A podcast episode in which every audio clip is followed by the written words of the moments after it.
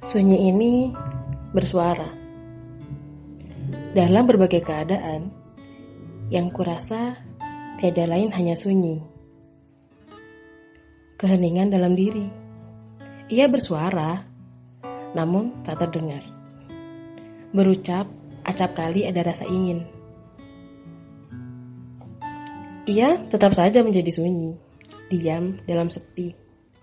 Meskipun gejolak, tetap saja Sunyi adalah sunyi.